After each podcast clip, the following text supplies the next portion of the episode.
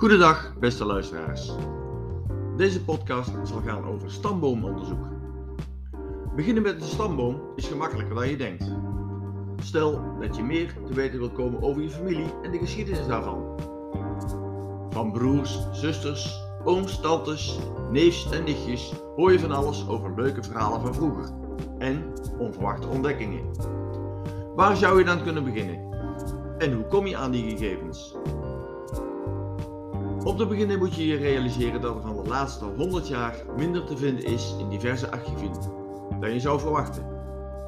Volgens de archiefwet 1995 zijn de registers van de burgerlijke stand voor geboorte, huwelijk en overlijden pas openbaar als ze vanuit de gemeente overgebracht zijn naar het archief.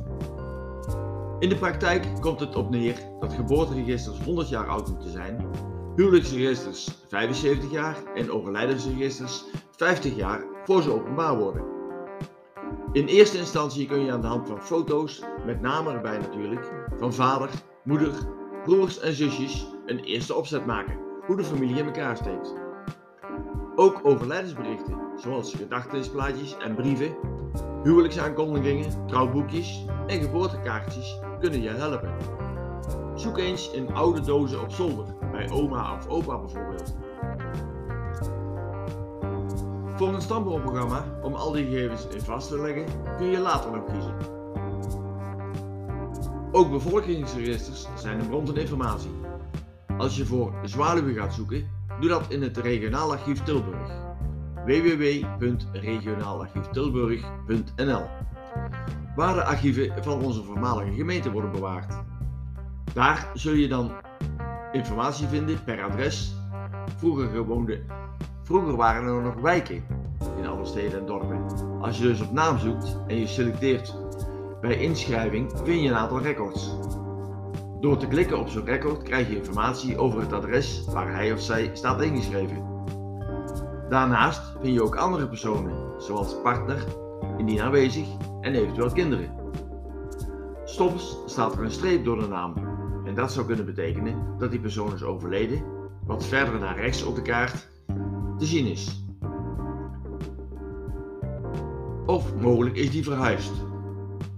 Dat staat ook meestal rechts verder genoteerd. Bevolkingsregisters tot vlak na de Tweede Wereldoorlog waren op internet te vinden.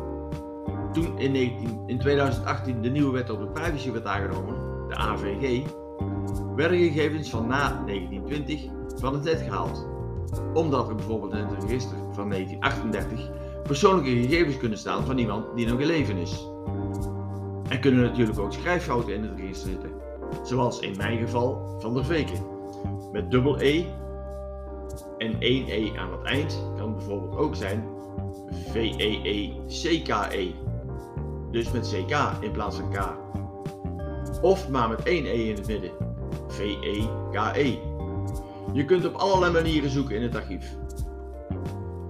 Als je de gegevens van de laatste 100 jaar hebt verzameld, kun je verder zoeken bij een website met familieberichten en begraafplaatsen. De site www.online-familieberichten.nl bevat onder andere meer dan 1,3 miljoen overlijdensadvertenties. Bijna 300.000 bitprintjes en ruim 100.000 geboorteadvertenties staan er ook in. De meest recente overlijdensberichten zijn ook te vinden op www.mensenlink.nl. Deze site bestaat sinds 2006. De site www.online-begraafplaatsen.nl bevat een verzameling van grafstenen en grafmomenten. Je kunt hier zoeken per plaats en per begraafplaats. Verder zijn de families verder verspreid dan alleen Zwaluwe op het werkgebied van Archief Tilburg. Bij welk archief moet je dan zoeken? Er zijn in Noord-Brabant ook archieven in Bergen Zoom, dat is https westbrabantsarchief.nl in Breda.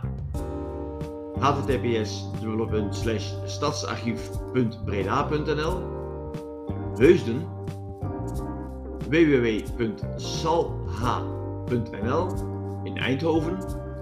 www.rhc-eindhoven.nl in Den Bosch. Https sectorenbos.nl en het Provinciaal Archief in Den Bosch www.bhic.nl.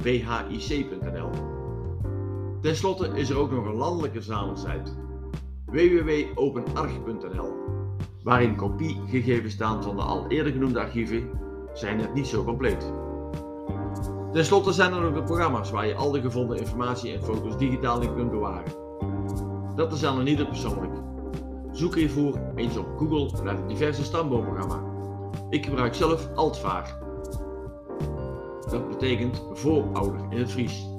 Een heel makkelijk programma waar je van alles in kwijt kunt.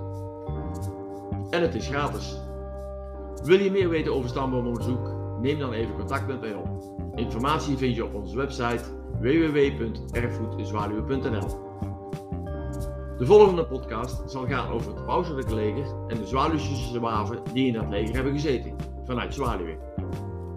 Dank voor uw aandacht en tot een volgende keer.